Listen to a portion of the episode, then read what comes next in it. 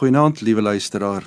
Ons gesels bietjie in die aande die week oor vrees en ons kyk vanaand na die gedeelte in Markus 4, daar vers 35 tot 41 waar Jesus ook die storm dan stil maak, soos ons gisteraand gelees het in Matteus. Die gedagte moenie bang wees nie kom baie keer by mense op. Jesus se algemeenste opdrag aan mense spruit voort uit die opdrag: Moenie bang wees nie. Die vier evangelieskrywers lys 125 opdragte wat Christus gegee het. 21 keer daarvan sê Jesus: Moenie bang wees nie. Of positief gestel: Hou moed. Wees dapper. Die tweede plek vir die algemeenste opdrag deur Jesus kom 8 keer voor. Dit was die opdrag: Hê God lief en jou naaste soos jouself.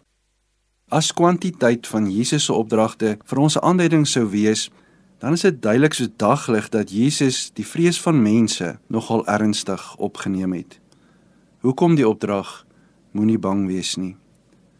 Het die disippels tydens die storm aggeslaan op hierdie mees aangehaalde woorde van Christus? As hulle het, sou hulle agtergekom het Jesus roep ons om moedig en dapper te wees. Waarskynlik het Jesus presies geweet wat doen vrees.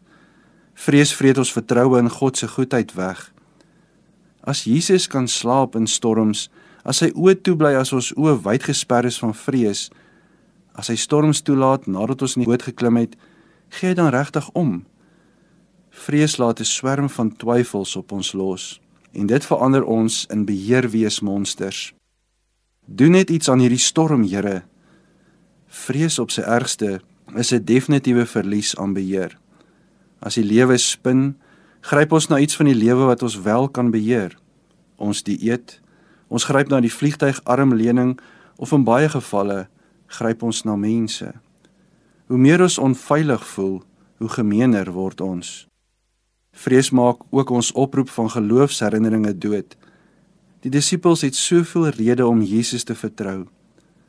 Moet iemand nie dalk net weer 'n beknopte oorsig gee oor al Jesus se wonderwerke nie?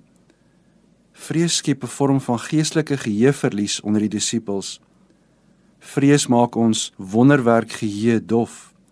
Dit laat ons vergeet wat Jesus gedoen het en hoe goed God is. Omdat Jesus ons vrese ken, tree hy in en daag hy telkens op om ons vrees te verdryf.